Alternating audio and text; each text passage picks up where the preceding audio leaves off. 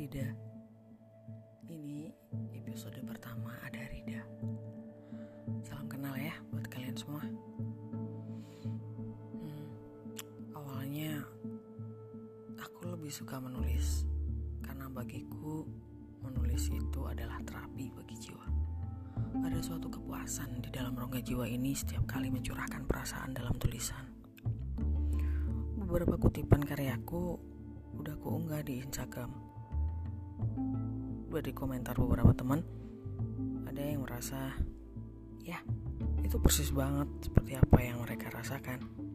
Ada juga yang berpikir kutipan itu sindiran. Ada yang bilang juga aku sedang curhat colongan. Macam-macam reaksinya. Well, gak masalah. Sama halnya dengan puisi, prosa, ataupun cerpen. Kutipan-kutipan itu emang sengaja ku buat berdasarkan apa yang kurasa dan yang terjadi di sekelilingku.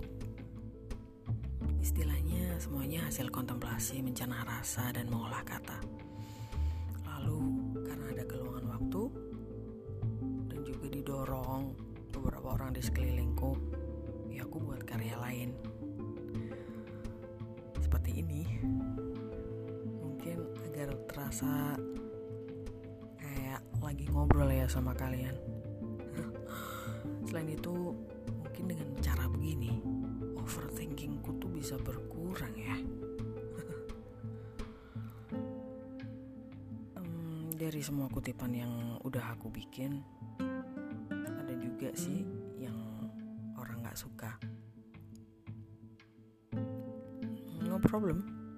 Toh sebenarnya memang aku membuatnya bukan untuk orang lain ya. Ini ku buat untuk diriku sendiri. Orang punya caranya masing-masing untuk self healing. Mungkin untuk aktualisasi diri juga. Istilahnya meraih kepuasan batin, kebahagiaan, dan nanti muaranya itu bisa merasakan syukur. Ya, bisa bersyukur jika ada orang yang komentar atau nyinyir di dalam hati ya, jarang yang diomongin sih. Nah itu urusan mereka. Aku nggak akan ambil pusing.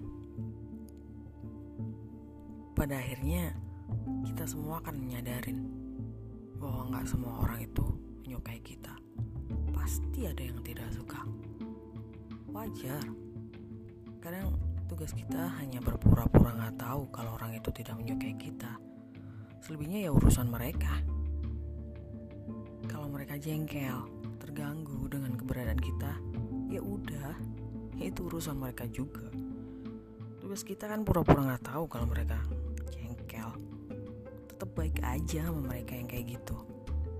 Nggak usah pilih-pilih kan kalau kita emang mau baik sama orang.